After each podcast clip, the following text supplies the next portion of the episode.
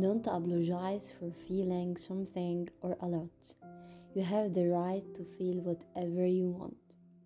ما تعتذرش لإحساسك بشعور معين أو لإحساسك بمشاعر كتيرة إنت ليك الحق إنك تشعر بما تريد الغضب الشعور بالذنب الخوف القلق الحزن الإحباط توتر يبان إنها مشاعر سلبية وكمان يبان إن عقلنا هيدينا order دلوقتي ويقول لأ stop لحد هنا.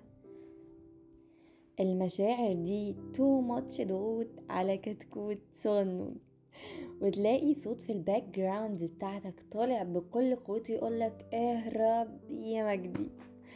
في الحقيقة هي فعلا مشاعر سلبية بس مش سيئة. المفاجأة إن المشاعر السلبية دي رغم إن واقع سماها علينا محبط إلا إنها هدية هدية ونعمة من الله. طبعا بعد الكلمتين دول هتلاقي صمت وصوت صرصور الحقل مع دهشة مصاحبة لسؤال انت بتقولي إيه؟ إزاي بتقولي مش سيئة؟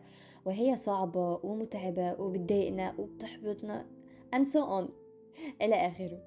بكل بساطة يا صديقي هي تعتبر زي جرس الإنذار اللي بينبهك ويقول هنا محتاج تخلي بالك هنا في حاجة مش مظبوطة. تنبيه يقولك محتاج يا صديقي تعيد التوازن وتظبط البوصلة بتاعتك من تاني. فلو مثلا جينا نشوف بعض التنبيهات بتاعت المشاعر السلبية دي هنلاقي إن الغضب تنبيه لوجود ظلم محتاجين نرفعه عننا. هنلاقي إن الخوف تنبيه إن في حاجة هنا محتاجين نبعد عنها. هنلاقي إن الشعور بالذنب تنبيه إن في حاجة غلط هنا حصلت ومحتاجين نصلحها. اذا إيه هي المشاعر السلبية دي بقى؟ المشاعر السلبية هي تنبيه عن احتياج ناقص نحتاج أن نشبعه أو مشكلة ما محتاجين نعالجها. احتياج محتاجين نشبعه أو مشكلة محتاجين إن إحنا نحلها. نسمع لنفسنا ونسمح لمشاعرنا تطلع ونحس بيها نديها حقها وندي كل إحساس حقه. نعبر نعبر نعبر نعبر عن احتياجاتنا لأن من غير التعبير عن احتياجاتنا هنفضل حاسين بحلقة مفقودة. في حلقة مفقودة هنا مش عارفين هي إيه. ليه؟ لأن لما بنتجاهل إحساسنا ونقول هيروح لوحده فده استسلام مفيش حاجة هتروح لوحدها. ما ينفعش يبقى عندي امتحان وأقول أنا هنجح لوحدي. فين السعي؟ فين المجهود اللي هيوصلنا للنتيجة اللي إحنا عايزينها؟ وعندنا بقى نوع تاني أدهى وأمر وهو اللي بيتعامل مع مشاعره بالكبت الإجباري والمسكنات المؤقتة بدل ما يسمع لنفسه ويفهم رسالة الحزن أو القلق أو الغضب دي وراها إيه. وده مثاله زي واحد ضرسه بيوجعه ومسبب له ألم رهيب.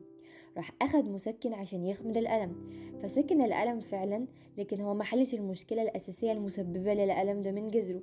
لذلك هيرجع عليه الوجع تاني لأنه ببساطة معالجهوش فترجع المشاعر دي تقول له هو أنت فاكر إنك خلصت مني؟ مش يمكن أنا بنبهك لخطر وشيك يا أيها الإنسان.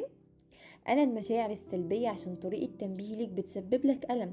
لكن لو ركزت في طريقة تعاملك معايا وسمعت تنبيهاتي مش هتفضل حبيس لصراعاتك.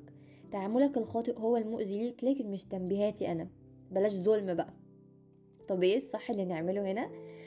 اعمل الصح. أيوه برضو يعني أعمل إيه؟ اعمل الصح. بكل بساطة هتدور على أصل المشكلة. ليه جسمي إداني الإشارة دي؟ طب ممكن تبقى إيه أسباب الإشارة دي؟ ونبدأ نفكر في حلول. وأسباب. لأنك لو تجاهلت مش هتحس بالراحة وهتفضل تلهي نفسك في مليون حاجة. فمثلا لو عندك ضغط نفسي تقول بينا على التلاجة هو إحنا لينا غير الأكل؟ أنا مش بقلل أبدا من أهمية الأكل. كلنا محتاجين غذاء لكن مش محتاجين يعني نفترس الأخضر واليابس عشان نخفف الضغط من علينا. لأنه خمن يا صديقي مش هيختفي ومش هيخف. ليه بقى؟ هنعرف. طيب مثال تاني. حاسس بالوحدة هوب على ال phone بالساعات على التلفزيون social media بالساعات وهيهات هيهات لإضاعة الوقت. وتبدأ بقى تتصادم وتتصدم في الآخر إن إيه ده؟ إيه اللي أنا عملته ده؟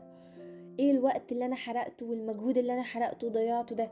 وفي الآخر نفسيتي ما اتحسنتش. فيجيلك إحباط وتبقى مضغوط ومحبط. ونبدأ بقى الحلقة المفرغة دي تاني. تاني يا زكي. ومين بيودي على فين. وكل ده لأنك سمعت لطوب الأرض وكسلت تسمع رسالة عقلك يا أخي. هل تستحق هذا العناء؟ طب هتسمعها إزاي الرسالة دي؟ هننظم مشاعرنا لأن عملية التعامل مع المشاعر مش بتتم بطريقة مباشرة ولكن كل موقف أو كل شعور ليه تدخل معين مننا. طب هل في خطوات عامة نقدر نتبعها أو نقدر نعملها في التنظيم بتاع المشاعر بتاعتنا؟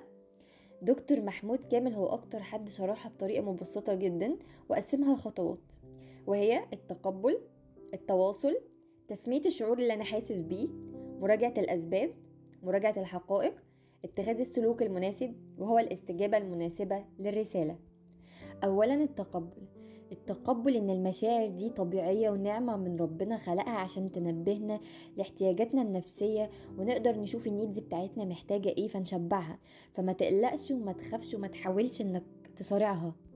تقبل إنها ممكن تستمر شوية. تقبل إنها ممكن تستمر حتى شوية قليلين لحد ما الهرمونات تعود لمستوياتها الطبيعية وتهدأ من حدة الشعور عندك. ثانيا التواصل. هتحتاج في النقطة دي إنك تقول للي حواليك خاصة لو هم عندهم وعي بالمشاعر إن أنت عندك شعور كذا أنا حاسس دلوقتي بكذا عشان هم يقدروا يتقبلوا ده أو يتقبلوا ردود أفعالك الغير منطقية بالمرة في الحالة دي. فما يبقى عارف إن أنت بتتعامل مع شخصية ورد فعلك غير مقصود منك. فيعذرك وما يستناش منك دعم أو مساعدة كبيرة لأن أنت دلوقتي بتحاول تنظم مشاعرك. مش في أحسن حالاتك فمش هتقدر إن أنت تساعد حد. أنت أولى دلوقتي إنك تلبي احتياجاتك أنت. وتنبيه مهم هنا في الخطوة دي ما ناخدش خطوة أنا دلوقتي مشغول عشان أنا بنظم مشاعري شماعة بقى فيما بعد. كل ما أبقى متضايق أو حاسس إن أنا مخنوق يا جماعة لو سمحتوا اعذروني أنا بنظم مشاعري دلوقتي. هي مش كده خالص. تالت حاجة تسمية الشعور. أحاول أعرف الشعور اللي أنا حاسس بيه ده إيه؟ اسمه إيه عشان أقدر أقرأ الرسالة اللي عقلي بيوجهها لي وأقدر أرد عليها رد مناسب أقدر أتفاعل معاها تفاعل مناسب. رابع حاجة مراجعة الأسباب المحتملة. هل في أسباب مباشرة فعلا سببت لي الشعور ده؟ طيب هل السبب ده مناسب للشعور اللي أنا حاسس بيه حاليا؟ وأبدأ أراجع الأسباب المحتملة اللي ممكن تكون سببت لي الشعور ده. فراجع الموقف وراجع الأفكار وركز مع نفسي قوي إيه الفكرة اللي سيطرت على دماغي مباشرة قبل ما أحس بالشعور ده. خامس حاجة مراجعة الحقائق. هل الأسباب فعلا ده حجمها المناسب وأنا مدي للمشكلة حجمها المناسب؟ هل هو فعلا بحدة الشعور ده؟ هل الفكرة أصلا اللي سيطرت على دماغي وسببت لي الشعور ده هل هي أصلا فكرة صحيحة؟ ولا في تفسيرات تانية للموقف اللي أنا حطيت فيه دلوقتي؟ سادس حاجة نفذ السلوك المناسب. في دايما كده رغبة ملحة بتيجي مصاحبة للشعور اللي إحنا بنبقى حاسين فيه. مثلا الغضب. الرغبة الملحة بتاعته إن أنا أهجم على اللي قدامي وآخد رد فعل مناسب وما إلى آخره. فدايما أحاول إن أنا أنفذ السلوك المناسب مش اللي الرغبة بتلح عليا إن أنا أعمله تحت تأثير مشاعري. ونخلي بالنا إن شدة المشاعر تأتي من زيادة إفراز الهرمونات وإن كمان زيادة إفراز الهرمونات دي بتيجي من شدة وكثرة الأفكار. فكلما زادت حدة المشاعر بتاعتنا كلما زادت نسبة تحولها من مشاعر سلبية مفيدة لمشاعر سلبية مضرة. عشان كده كلما استمرت المشاعر لفترة أطول ممكن تتحول لمشكلة أو ممكن تتحول لاضطراب وممكن برضو كمثال ليها الغضب. الغضب الكتير على الفاضي وعلى المليان بيتحول إلى حساسية شعورية. أما حلنا بقى هو إيه؟ الوعي. الوعي الشعوري يا صديقي. طب إيه هو الوعي الشعوري أصلا؟ هو القدرة على فهم مشاعرنا. وتحويل الفهم ده لأفعال تقدر تلبي احتياجاتنا.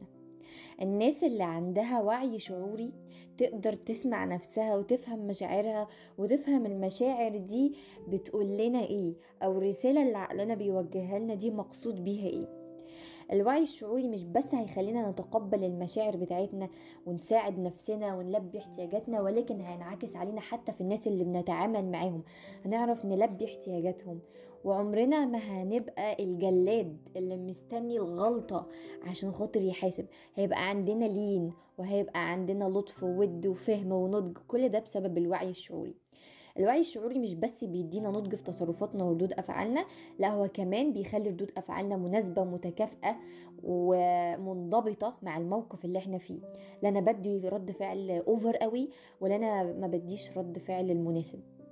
طيب أهم مهارة لتنظيم المشاعر بتاعتنا لما تبقى عالية قوي مهارة اسمها STOP stop take a step back observe proceed. Mindfully دي استراتيجية نقدر نتعامل فيها في حدة المشاعر العالية ونقدر ننظم بيها مشاعرنا ودي هنتكلم عنها في الحلقة اللي جاية.